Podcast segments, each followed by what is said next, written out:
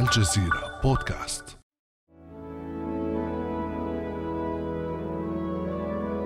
بإحساس مرهف وبصوت ملائكي وقف أسطورة الأوبرا الإيطالي أندريا بوتشيلي في قلب كاتدرائية ميلانو الشهيرة ليغني من أجل الأمل وحيدا بينما تابعه الملايين حول العالم عبر الشاشات بسبب إجراءات الإغلاق.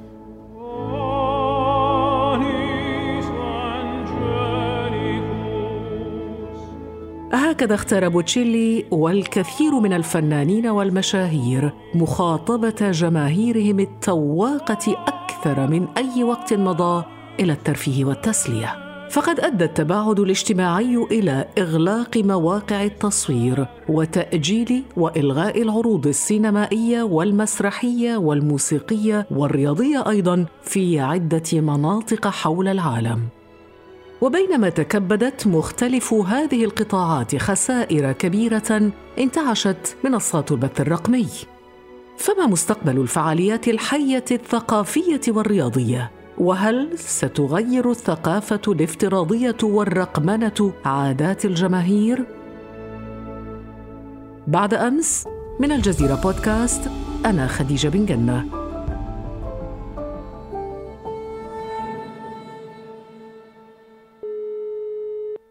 وأرحب معي اليوم بالدكتور المهدي مبروك وزير الثقافة التونسية السابق وأستاذ علم الاجتماع. دكتور مهدي أهلا وسهلا بك. أهلا وسهلا بك وشكرا على الدعوة اللطيفة.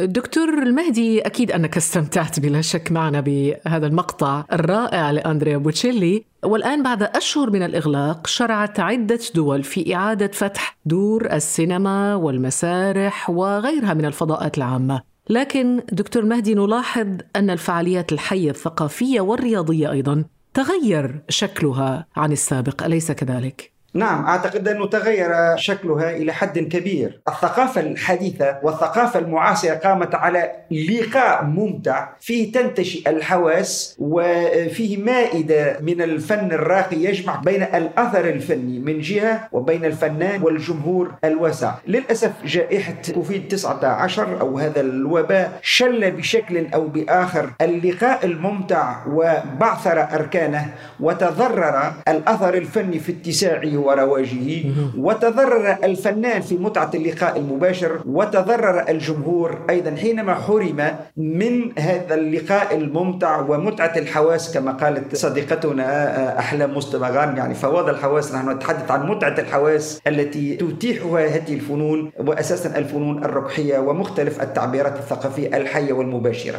دكتور مهدي هذا الإغلاق الذي مس الفعاليات الفنية الثقافية الحية ما هي تداعياته سواء على الفنان أو على الجمهور؟ أعتقد أن التداعيات مهمة جدا ويمكن أن نحصرها في أربع مجالات. المجال الأول هو متعة النفاذ إلى التعبيرات الثقافية والتظاهرات الثقافية. هناك تعطل أو شلل في تنظيم هذه الفعاليات. فهذه المتعة الأولى متعة الذائقة الفنية الجمالية المتعة الحسية تم افتقادها. أيضا من تداعيات هذا الوباء على التعبيرات الثقافية والأنشطة والمهرجانات والفعاليات التداعيات الاقتصادية. لأنه ما وراء المتعة الجمالية أصبحت الآن مهن فنية وشركات ويد عاملة تشتغل ولذلك للأسف يعني العديد من الفنانين وجدوا أنفسهم أمام الجائحة يعني في وضع مالي ووضع اقتصادي فيه الكثير من الهشاشة. ولذلك أعتقد أن الفنانين بمختلف أصنافهم وفئاتهم مسرحيين موسيقيين منتجين ممثلين تقنيين كلهم تضرروا بين التداعيات المهمة التداعيات النفسية الإحساس بنوع من الإحباط هذا الجمهور الذي كان يجد متنفسا في الفنون والثقافة لنسيان همومه اليومية لنسيان الضغط. دكتور هذا الإحباط اسألني خذني نموذج أنا. يعني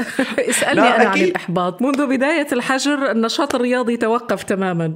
نعم الأنشطة الرياضية والأنشطة الثقافية لأنه لها ما نسميه الوظيفة العلاجية النفسية لأنه العديد الآن من المصحات النفسية تقوم على العلاج بالموسيقى العلاج بالمسرح وأخيرا تقريبا من بين أهم التداعيات في اعتقادي أنه حرمان الناس من ما نسميه القيم لأنه الفن وراء وراءه قيم وراءه ذائقة التنشئة الاجتماعية والنفسية على الذائقة ارتبكت بشكل كبير. ولذلك تلاحظ أبناءنا الآن حينما يحرمون من هذه الفنون الجميلة للأسف يكونون ضحايا قيم أخرى تأتي من خارج التعبيرات الثقافية والفنية. نعم نعم. وتلاحظ عليهم أيضا حالة يعني يصبحون أجريسيف يعني عنيفين لأنه أيضا هذه الأنشطة تهذب نعم النفس. ما يقول الغزالي من لم يحركه عود وأوتار ولا ربيع وأزار فهو فاسد الطبع عديم المزاج ليس له من علاج.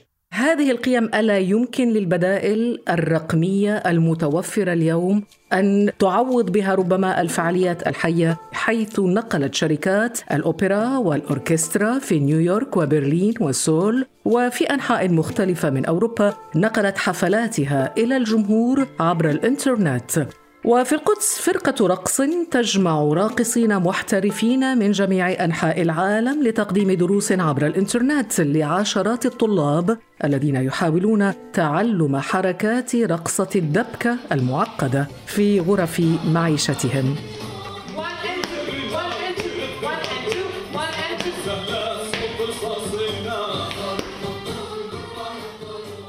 مهدي مبروك هل تشكل اذا هذه الفعاليات الافتراضية حلا للواقع الثقافي والفني المتأزم؟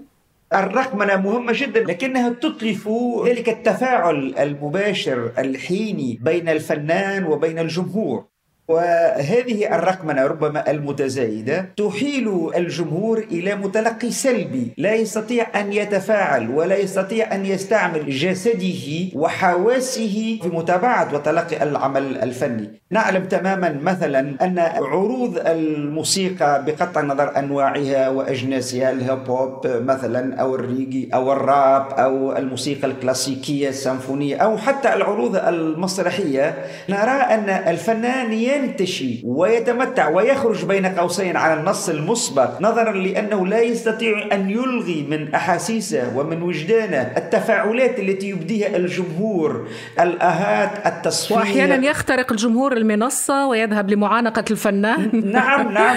في, في مهرجان كرتاج نرمي بالياسمين على الفنانين وإلى فكيف لنا أن نتصور حينئذ هذه الفنون وقد أصبحت تعرض لنا على الشاشات؟ أو تخيل حتى بالرجوع إلى المقطع الذي استمعنا إليه مقطع الدبكة نعم. أنه الواحد يعني وهو يتفرج على الشاشة ويتفاعل مع مجموعة على الشاشة وهو يدبك يعني أنه يتحرك ويخبط برجليه على الأرض. طبعا مش نفس الجو ولا نفس المتعة ولا النشوة ولا نعم لأنه أهم ما في هذه العروض طبعا إلى جانب طبعا قيمة العمل الفني هو ما نسميه تلك العلاقة الحميمة التي تخلق في المدارج. في مهرجان جرش أو مهرجان موازين أو مهرجان كرتاج مثلا إلى ما تحدثنا عن العالم العربي. فأعتقد أن في بعض الأحيان يعني الفرجة هي أيضا على الجمهور. الجمهور يتحول إلى ركن من أركان الأثر. فأعتقد انه الرقمنة المتزايدة للأسف كما قلت تتلف ما في النشاط الفني وفي التظاهرات الثقافية والفعاليات من جوهر هو التفاعل المباشر بين الجمهور من جهة والفنان وبين الجمهور فيما بينهم. ولكن ألا يتيح دكتور مهدي يعني هذا الفضاء الافتراضي ربما مجالا لتكافؤ الفرص بين الفاعلين في المجال الثقافي؟ نعم أعتقد أنه كما قلت رقمنة الفنون وتحويلها إلى مادة تستهلك من خلال الشاشات والحواسيب وكل تقنيات التواصل. الحديث هو حل.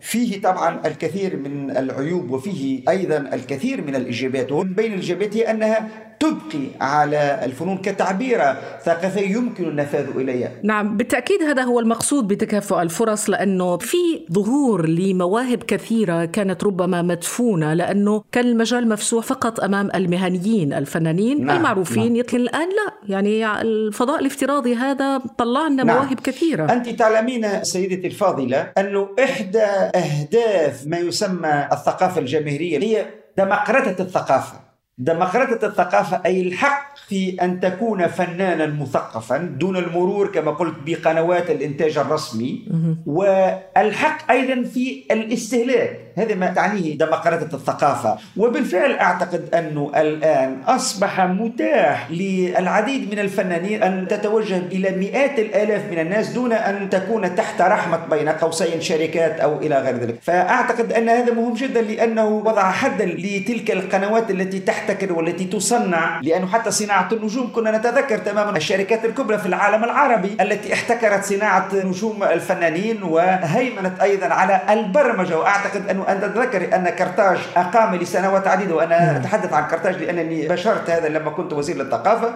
وجدنا عقود يعني تعطي حصرين لبعض الشركات العربية في جلب الفنانين. فأعتقد أن التقنيات كما قلت أولا أتاحت للناس الفئات الواسعة أن يبرزوا وأن يلقوا بين قوسين بمواهبهم في سوق العرض.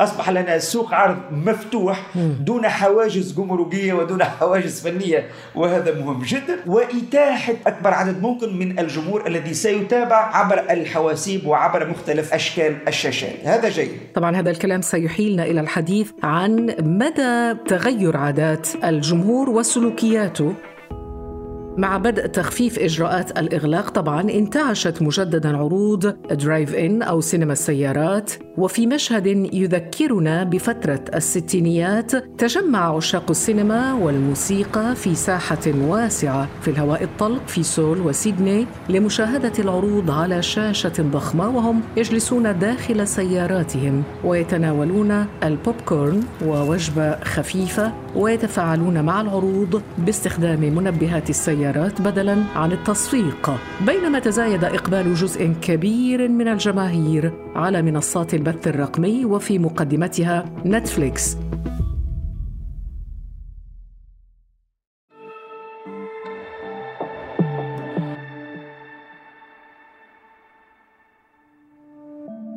ابدأ بالاستماع الآن ولا تنسى تفعيل زر الاشتراك الموجود في تطبيقك لتصلك حلقاتنا اليومية فور صدورها. ابقى على تواصل مستمر مع الجزيرة بودكاست عبر صفحاتنا على فيسبوك، تويتر وإنستغرام. طبعا نتفليكس دكتور مهدي هو بطل هذه المرحلة يعني حققت مداخيل خيالية خلال فترة الحجر المنزلي لكل جائحة أثرياؤها شايف؟ صح هل تأثرت فعلا دكتور مهدي عادات الجمهور وسلوكياته؟ بالفعل نحن بصدد كما قلت ملاحظة جمهور افتراضي آه، يتشكل. وأيضا هذا الجمهور يبدو أنه يستهلك كما قلت وهو منقطع عن غيره. يبدو أننا سنقدم وأرجو أن لا تدوم المدة نقدم على استهلاك الفنون بصمت. سأذهب وحيدا سأفتح آه، شاشتي وحيدا سأفتح حاسوبي وحيدا. وربما ما ذكرتيه من خلال ابتكار هذه الأنواع التي تنتفض على المتعة وعلى الاستهلاك السلبي من خلال الإصرار على الجماعة. العروض الموسيقية التي انتشرت في الأيام الأخيرة في ألمانيا ويبدو أن أولى العروض الموسيقية آه، والناس كما قلت هم بسياراتهم والناس على الشواطئ لأنه بدأت الآن أيضا بعض محاولات التجريب سينما الشواطئ ولكن ضمن بروتوكولات صحية دائما كما قلت الإصرار على أننا معا. وهذا مهم جدا لأنه الفن هي لقاء مع الآخر معا نتمتع بالمسرح نتمتع بالسينما نتمتع بالموسيقى ولكن ضمن شعائر جديدة. عوض أن نصفق مثلا أو نصفر استحسانا نضغط على بالسيارات إلى غير ذلك. دكتور هناك نقطة مهمة ربما هنا عندما نتحدث عن جمهور المنصات الرقمية الجميع تحول إلى نقاد وإلى خبراء. هذا طبعا دون أن نتحدث عن الذباب الإلكتروني وال و... هذه من مخاطر تشكل حقل جديد للنقد لأنه النقد الأدبي بين قوسين سابقا كان محصورا في من لهم حق النفاذ إلى الحقل. لذلك الحقل نسهلها يعني يسيج ويترك معابر. أنت ناقد عليك أن تكون يعني إعلامي قد مارست مثلا النقد الأدبي والفني كذا كذا أو أنك أنت مختص الآن لم يعد بالإمكان أن نسيج حقول النقد الفني والثقافي نظرا لأنه كما قلت يكفي فقط أن تكون لك يعني حاسوب أو كذا كذا وتكتب مش وفي الحين الراهن يعني في الكثير من الأحيان لم يبدأ العرض والناس يبدأون في النقد. صحيح.